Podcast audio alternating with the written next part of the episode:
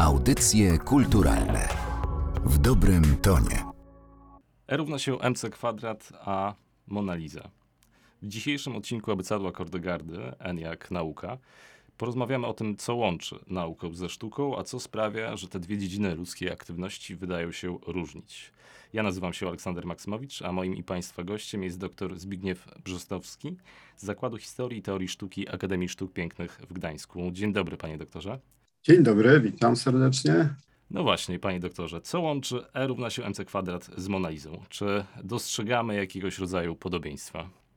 Tym, co je łączy, oczywiście nie na od razu, nie wprost jakby to widać, ale to przede wszystkim poszukiwanie pewnej stałej. Z tym, że o ile w wypadku Einsteina który wprowadził stałą kosmologiczną właśnie, miał z tym wielki problem, ponieważ przez chyba 16 lat nie mógł się sam pogodzić z tą myślą, że jakąś stałą w ogóle musiał prowadzić do swoich rozważań. O tyle w wypadku Leonarda to było jasne od początku czyli że istnieje, istnieją pewne stałe zależności, które należy wykorzystywać również w sztuce.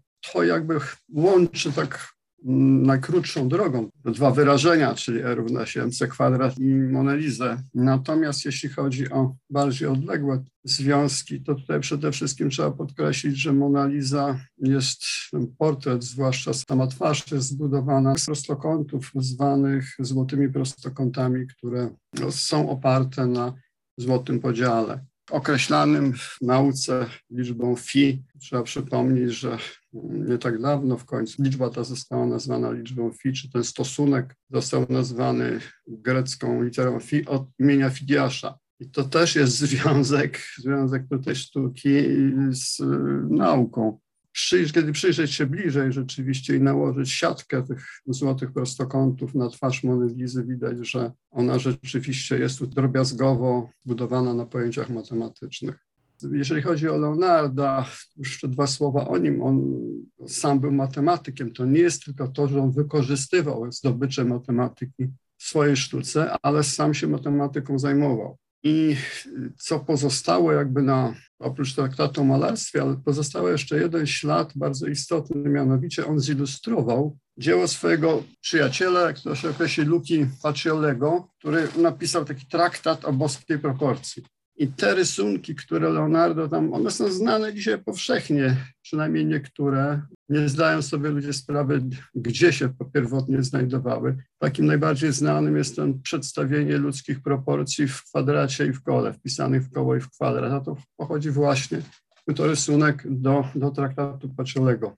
To jest jedna postać, Leonardo, ale wówczas oczywiście y, to są inne także postaci, to jest Alberti, który, Leon Alberti, który był architektem i który zajmował się również matematyką, stosował zdobycze matematyki chociażby w architekturze. Następnie to oczywiście Albert Dürer, ostatni z wielkich renesansu, który również zajmował się teorią nauki w sztuce. Nie bał się tego, również odwoływał się właśnie do wielkości matematycznych i sam zajmował się matematyką. Ja tu podkreślam to specjalnie, te, mówię o tych osobach, które zajmowały się nauką i stosowały jej osiągnięcia we własnej sztuce, ale także jakby propagowały, propagowały te osiągnięcia w sztuce, w sztuce innych. Rzecz jasna, z takich nowszych artystów warto by tu wymienić chociażby Eschera, który wprost zajmował się matematyką i stosował y, osiągnięcia matematyki w swojej sztuce. Nie bał się, co jest istotne, na przykład występować na jakichś kongresach naukowych i tam, tam odnosić się do osiągnięć matematyki. W 2017 roku prezentowany był w Kordegardzie kadron Janusza Kapusty. Kadron to jedenastościenna bryła geometryczna, którą, jak sam artysta wspomina, przydarzyło mu się odkryć przy okazji rozmyślań nad nieskończonością, e, nieskończonością, którą podobnie jak e, Escher próbował narysować. Panie doktorze, o ile być może wszystkim nam przydarza się coś e, odkryć, e, to wydaje się, że pewne dziedziny ludzkiej aktywności są do tych e, przydarzających się odkryć lepiej predestynowane. Co takiego jest w sztuce i w nauce, co pozwala je zbliżyć właśnie w aspekcie poznawczym? Z jednej strony na pewno aparat, jeżeli chodzi o naukę, jest to aparat pojęciowy, co byśmy nazwali narzędziem. W sztuce podobnie możliwość operowania narzędziami, chociażby takimi najprostszymi, prawda, jak pędzel czy dłuto, ale z drugiej strony także umiejętności, które też w tym wypadku można by pociągnąć pod, pod narzędzia, że ktoś potrafi coś lepiej niż ktoś inny, a wśród tych potrafiących są nawet geniusze. I ci rzeczywiście potrafią nie tylko odkryć nowe rzeczy, przewidzieć także mm, za pomocą języka nauki czy języka sztuki nowe zjawiska czy nowe, odkrycia, chociażby we wszechświecie, ale muszą mieć aparat pojęciowy, żeby to umieć przekazać innym także. Bo tutaj samo przeczucie nie wystarczy. To jest kwestia to, co kiedyś Werner Heisenberg powiedział, że, że trzeba umieć jeszcze przetworzyć to na formę, ale znowu sama forma nie wystarczy. Trzeba mieć jeszcze jakąś treść do wypowiedzenia. I tutaj te związki rzeczywiście są widoczne. Jeżeli mamy jakąś treść, którą chcemy przedstawić, którą chcemy opowiedzieć, czy to językiem nauki, czy językiem sztuki, no to możemy szukać odpowiedniej formy do tego. Na początku roku 2022 w Galerii Narodowego Centrum Kultury mogliśmy zobaczyć e, wystawę między matematyką a emocją. Mm, wystawa poświęcona była twórczości Jerzego Grabowskiego. Mm, dla Grabowskiego działania matematyczne były, cytuję, fundamentalnym tworzywem warsztatowym. Zastanawia mnie, panie doktorze, jak, e, czy to, co inteligibilne, może być w ogóle ukazane za e, pomocą środków natury zmysłowej, jak na przykład malarstwo czy, czy rzeźba. Pytanie jest takie, na ile zapisywanie takimi symbolami, no z jednej strony zrozumiałymi dla wszystkich, czyli 1, 2, 3, 4 i tak, prawda, n plus 1, na ile to jest, no co z tego wynika? To jest bardzo zawsze trudne pytanie, jakby przy każdej pracy co z tego, prawda, mówiąc tak trywialnie. Więc jeżeli chodzi o, o doświadczenie samego tutaj twórcy, ono może być dla niego jakoś bardzo budujące, prawda, rozwijające i tak dalej. Ale czy to ma jakieś znaczenie dla sztuki w ogóle? Czy to ma znaczenie dla odbiorcy tej sztuki? To trudno powiedzieć, zwłaszcza, że każdy z takich oddzielnych obrazów, jeżeli oglądamy ich N, może po prostu nudzić w pewnym momencie. Natomiast to jest operowanie symbolami. Czy to będą takie symbole jak znaki prawda, matematyce, stosowane w matematyce, czy to, będą, czy to będzie symbolizm w sztuce po prostu? No to można próbować, prawda? Dlaczego, dlaczego nie? I pytanie tylko, jak się to przedstawi, bo się oczywiście y, nasuwa próba przedstawienia mijającego czasu przez Salvadora Dalego. On nie pokazuje nam czasu, on pokazuje skutki działania czasu w bardzo specyficzny sposób tutaj te osiągnięcia sztuki rzeczywiście w taki sposób, w sposób symboliczny można, można przedstawiać, ale albo dosłownie, czyli tak, prawda, zapisując jako pałka, czy jak Grabowski, albo poszukując jak kapusta i odnajdując jednak coś nowego, albo w sposób taki bardzo symboliczny, posługując się rzeczywiście metodami sztuki, barwą, prawda, kształtem, linią. Co z tego wynika, możemy obejrzeć w galeriach czy w muzeach.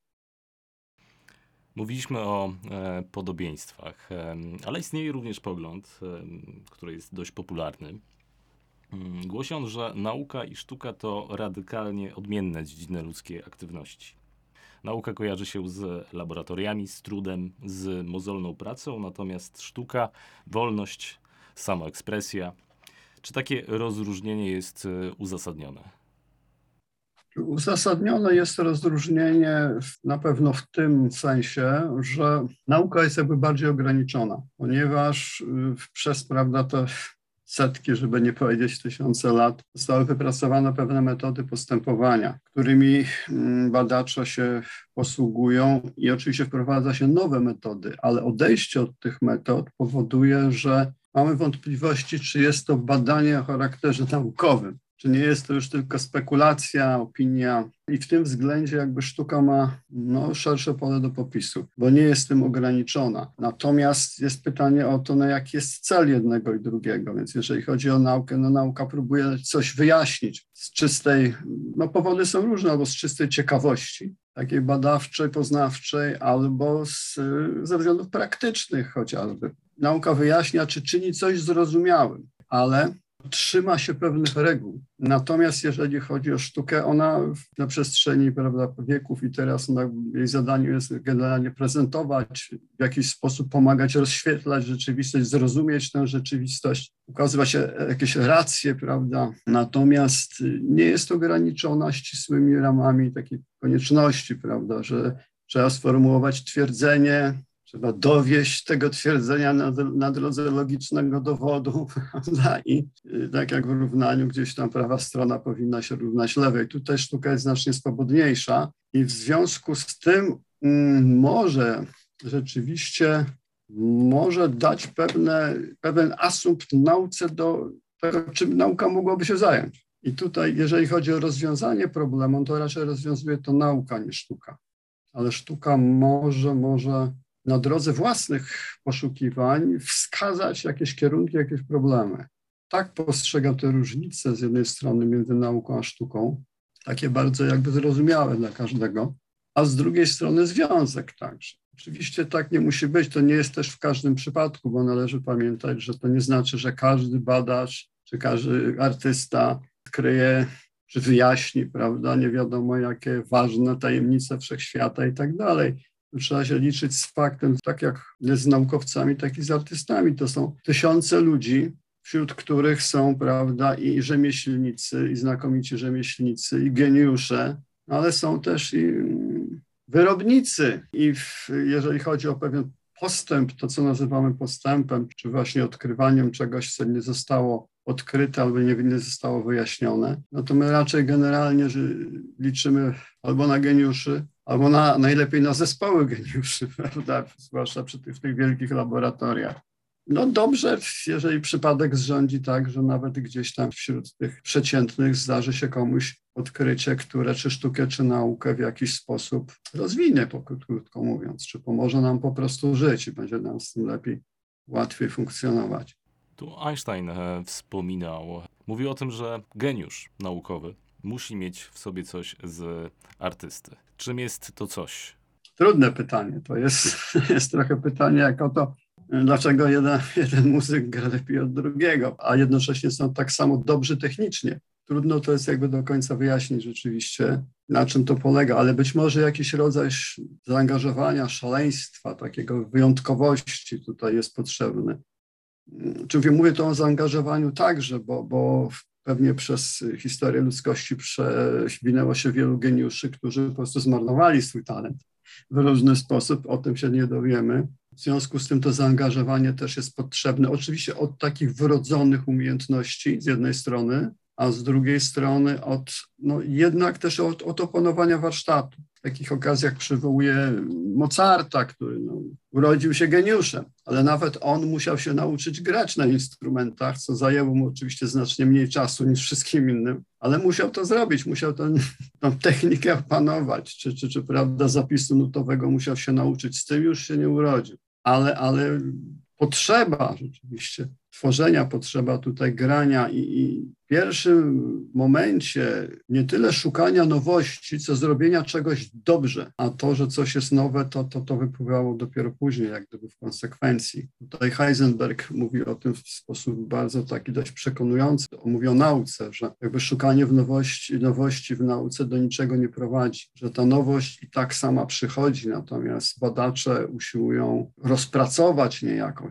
tę nowość i, i, opisać ją językiem matematyki, właśnie wyjaśnić, żeby uczynić zrozumiałym. I odnosi to także do sztuki, że szukanie jakby na siłę czegoś nowego również do niczego nie prowadzi. To i tak przychodzi samo, natomiast jak to zrobić, żeby to, co przyszło, wyrazić i przybliżyć to już pozostaje gdzieś tam jakąś tajemnicą. No jest jeszcze kwestia właśnie te, tego, co tej tajemnicy, tego nieuchwytnego tego, czego chyba nie możemy poznać i pewnie dobrze, że nie poznamy, bo tak będzie lepiej. Zostawmy tę granicę gdzieś tam ludzkiego poznania niewyjaśnioną do końca. A więc jest e, jakiegoś e, rodzaju e, szaleństwo nawet w naukowej działalności, jakiś polot, jakaś fantazja, ale także ludzie nauki podkreślają, że piękno może być potwierdzeniem prawdziwości naukowych teorii. Czy należy je rozumieć w kategoriach estetycznych, może idealistycznych? Jak je rozumieć? Jak rozumieć to piękno?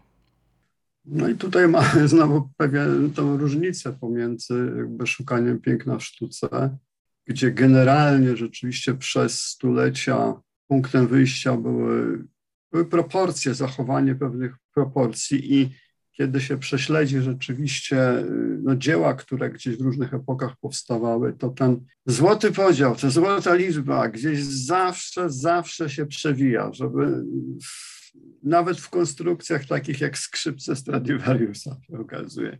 Natomiast odeszliśmy od tego, uznając, że, że to piękno zaklęte gdzieś w harmonii czy w złotej proporcji to niekoniecznie musi być wszystko nawet, nawet generalnie usiłowaliśmy, no to oczywiście jako ludzie tam gdzieś w wieku XX czy XXI usiłujemy to zanegować. Tylko jest pytanie znowu takie, no co w zamian? Czy to, że zanegujemy coś, to pomoże nam jakoś żyć, będziemy się lepiej z tym czuli? Zostawmy być może to artystą, to jest jedna kwestia. Natomiast jeżeli chodzi o naukę, to rzeczywiście to, co w nauce często nazywa się pięknym, to jest dążenie do prostoty, do wyrażenia czy opisu odkryć, wszelkie zresztą maści, w sposób jak najbardziej prosty i jak najbardziej zrozumiały. Co nie znaczy oczywiście, że pewne od, odkrycia da się wyrazić w tak prosty sposób, że każdy tak zwany przeciętny zjadacz chleba od razu to, to pojmie. To, to jest kwestia już poziomu abstrakcji. Generalnie tak, tak naukowcy uważają, że to jest dążenie do prostoty i jasnego wyrażenia. I rzeczywiście też uważają, że jeżeli chodzi na przykład o, o uogólnienie postaci wzoru, na przykład, to on powinien również na pierwszy rzut oka wyglądać pięknie, powinien się estetycznie prezentować. I to jest rzecz, to jest bardzo ciekawe samo w sobie, bo tu jest pytanie, co, co, co to znaczy. I tutaj by należało już zapytać, zapytać rzeczywiście na przykład matematyka, co to jest dla niego widok pięknego wzoru. Piękniejsze i mniej piękne, prawda? Niemniej, wracając tutaj do, do, do rzeczy, chodzi o jak największą prostotę w dążeniu do rozwiązania. To jest rodzaj piękna w nauce a jednocześnie wynik sam w sobie, że jeżeli coś odkryjemy, jeżeli sobie coś czynimy zrozumiałym, to jest piękne. To jest piękne samo w sobie. Jakby kończąc tę myśl, wypada przypomnieć chyba to, co powiedziała Safona, muza z Mityleny, że pięknym jest to, co ktoś kocha. Czy to będzie zapis wzoru taka próba uogólnienia teoretycznego, do czego generalnie dążą, dążą badacze w nauce. Czy to będzie, prawda, rzeźba wykonana z plastikowych butelek. Bo jeżeli ktoś to kocha, to dla niego może być to pięknym. Pytanie natomiast jest takie, czy to jest piękno uniwersalne? Czy, czy rzeczywiście da się to zuniwersalizować? Nie wiem, czy jest odpowiedź na to, bo znowu byłoby, odpowiedź była taka, ilu, ilu odbiorców, tyle prawda jest tych pojęć piękna zostawiłbym tę odpowiedź jako otwartą. Może to tak e, jest, że gdyby każdy z nas liczył przez 30 lat non-stop, wszyscy byśmy zauważyli to piękno E równa się MC kwadrat. E, może, może tak jest. Na koniec, e, panie doktorze, dlaczego bogini pamięci nie zrodziła muzy malarstwa? Mamy uranie przecież, Muzeum Astronomii i Geometrii, nie mamy jednak muzy malarstwa. Dlaczego? Już sama, samo jej imię wskazuje na to, że jakby są uhonorowane te sztuki, które związane są z pamięcią. A w wypadku malarstwa mm, nie do końca pamięć no, jest tym wszystkim, że tak powiem, bo o ile tu tylko gwoli przypomnienia, o ile na przykład jeżeli chodzi na przykład o teatr, jak już mówiąc bardzo kolokwialnie przychodził, prawda, twórca tragedii do teatru i miał jeden tekst, który czytał aktorom, uczyli się go ze słuchu na pamięć, cały czas ta pamięć gdzieś tam funkcjonowała. To był zupełnie inny sposób przyswajania niż, niż dzisiaj. Jeżeli chodzi o układanie pieśni przecież bez zapisu, powtarzając je z pamięci, ucząc się siebie, to rzeczywiście szanowano to bardziej. I to generalnie dotyczyło także sposobów rozumowania. Bez zapisu. Ja przypomnę, że, tam, że Platon przynajmniej oficjalnie dość negatywnie odnosił się do zapisywania. Prawda? To, co tworzy się w rozmowie, to, co pamiętamy właśnie, możemy odtworzyć, to jest istotne. Natomiast zapis jest bardzo, bardzo wtórny, mówiąc delikatnie. I być może to leży u podstaw tego, że, że malarstwo czy rzeźba, które dawało trwałe jakby wyniki, zostało pominięte. Z jednej, ale z drugiej strony trzeba pamiętać, że jednak Jest, prawda, Urania jest, jest, jest muzeum astronomii i geometrii. I ta geometria jednak się pojawia. Jeżeli ona się pojawiała w sztuce, a pojawiała się w architekturze, my trudno dzisiaj odpowiedzieć, odpowiedzieć na pytanie, na ile świadomie stosowano ten złoty podział, bo tego nie wiemy. Natomiast widzimy no, w tych pozostałościach budowli chociażby, że on gdzieś tam funkcjonował. No to w pewnym sensie ta urania jakby pozostaje można by gdzieś to malarstwo pod nią podczepić, ale, ale w związku z geometrią. Z jednej strony, poza tym mamy też oprócz tych mus olimpijskich, muzy, chociażby muzy, muzy helikońskie i tam mamy taką muzę jak Meletę, która opiekowała się no, ćwiczeniami wszelkiej maści. Czy to tym ćwiczeniami pamięci także, no ale być może dałoby się jakoś, prawda? Mogłaby się zaopiekować także malarzami czy rzeźbiarzami, czyli z tymi ćwiczeniami praktycznymi, że się tak wyrażę.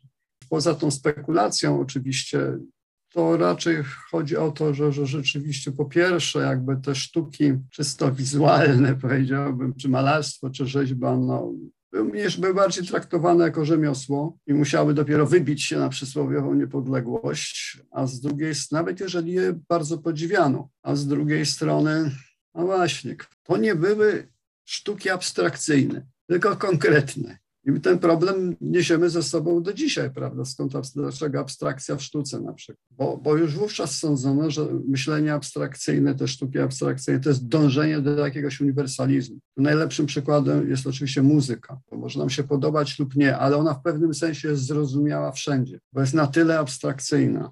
Natomiast jeżeli chodzi o rzeźbę czy malarstwo, to już, to, to już mniej. Rzymski historyk e, Pliniusz przytacza grecki mit opowiadający o początkach e, rzeźby. Mit głosi, że pewien garncarz e, za sprawą swojej córki, która zakochana w pewnym młodzieńcu, gdy ten wybierał się w daleką drogę, cień jego twarzy, rzucone przez światło latarni, zakreśliła na ścianie konturami. I te właśnie kontury ojciec wypełnił glinką i, i zrobił z nich model. Tak miała powstać pierwsza Pierwsza rzeźba. Do czego to się odnosi jak e, nie do pamięci? E, Moim i Państwa gościem był dzisiaj dr Zbigniew e, Brzostowski. Bardzo dziękuję Panie doktorze za rozmowę. Dziękuję bardzo. Słuchali Państwo abecadła Kordegardy w audycjach kulturalnych. Audycje kulturalne w dobrym tonie.